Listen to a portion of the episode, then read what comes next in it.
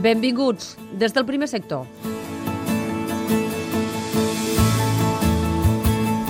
Avui parlem de mel i per aquest motiu hem anat a visitar un productor del Perelló, al Baix Ebre. Fa 200 anys que s'hi dediquen i aquest any com a novetat han creat una mel de luxe que comercialitzaran a Europa, als països àrabs del Golf i als Estats Units. La veu del camp és per al Premi Rural Apps, que vol reconèixer les iniciatives d'aplicacions mòbils en el sector agrari. El primer sector.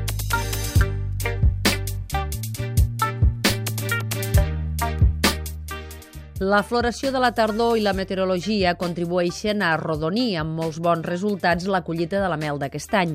Un dels grans productors de mel és l'empresa Mel Múria del Perelló, al Baix Ebre, que ha aprofitat la bona campanya d'aquesta temporada per llançar una mel de luxe que es comercialitzarà als mercats internacionals. És un reportatge d'Eulàlia Ferrer.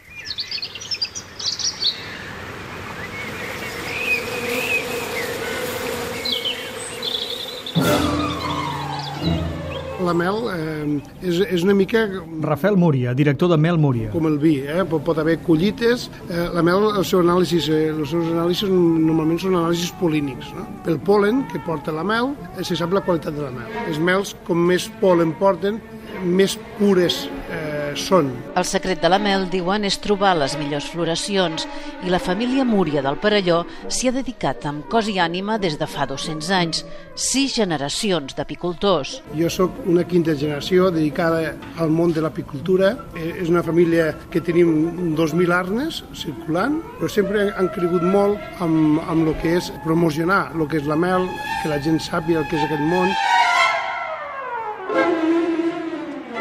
Ara han creat una nova marca de luxe, Armúria, que pretén aportar valor afegit a la gastronomia. Aquí ens aporta aroma, Fran López, xef del restaurant Hotel Villarretiro de Xerta, una estrella Michelin. ens aporta textura, com et, se't pega al paladar, et fa salivar, et provoca. Són totes aquestes coses que, que són les que estem buscant no? quan utilitzem un producte així i principalment la retornasal. Vull dir, quan respires et, et, et retorna l'aroma que té, vull dir, és realment especial. La primera edició de la nova marca surt al mercat amb 100 tones, un terç de la seva producció. Es pot triar entre quatre varietats, romaní, taronger, alta muntanya i mel de bosc.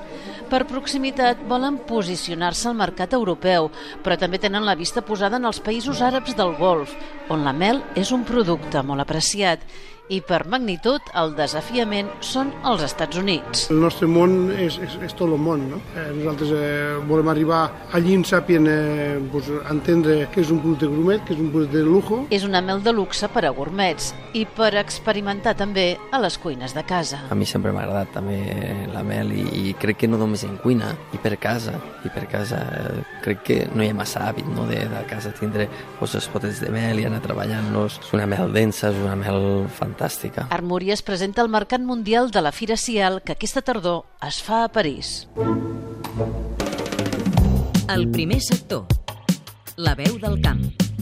El meu nom és Domènec Vila Navarra, sóc el director general d'Alimentació, Qualitat i Indústries Agroalimentàries del Departament d'Agricultura i des d'aquesta direcció general hem convocat i hem creat uns nous premis, els Premis Rural Apps, que tenen per objectiu impulsar el desenvolupament d'aplicacions mòbils en el marc del sector agrari.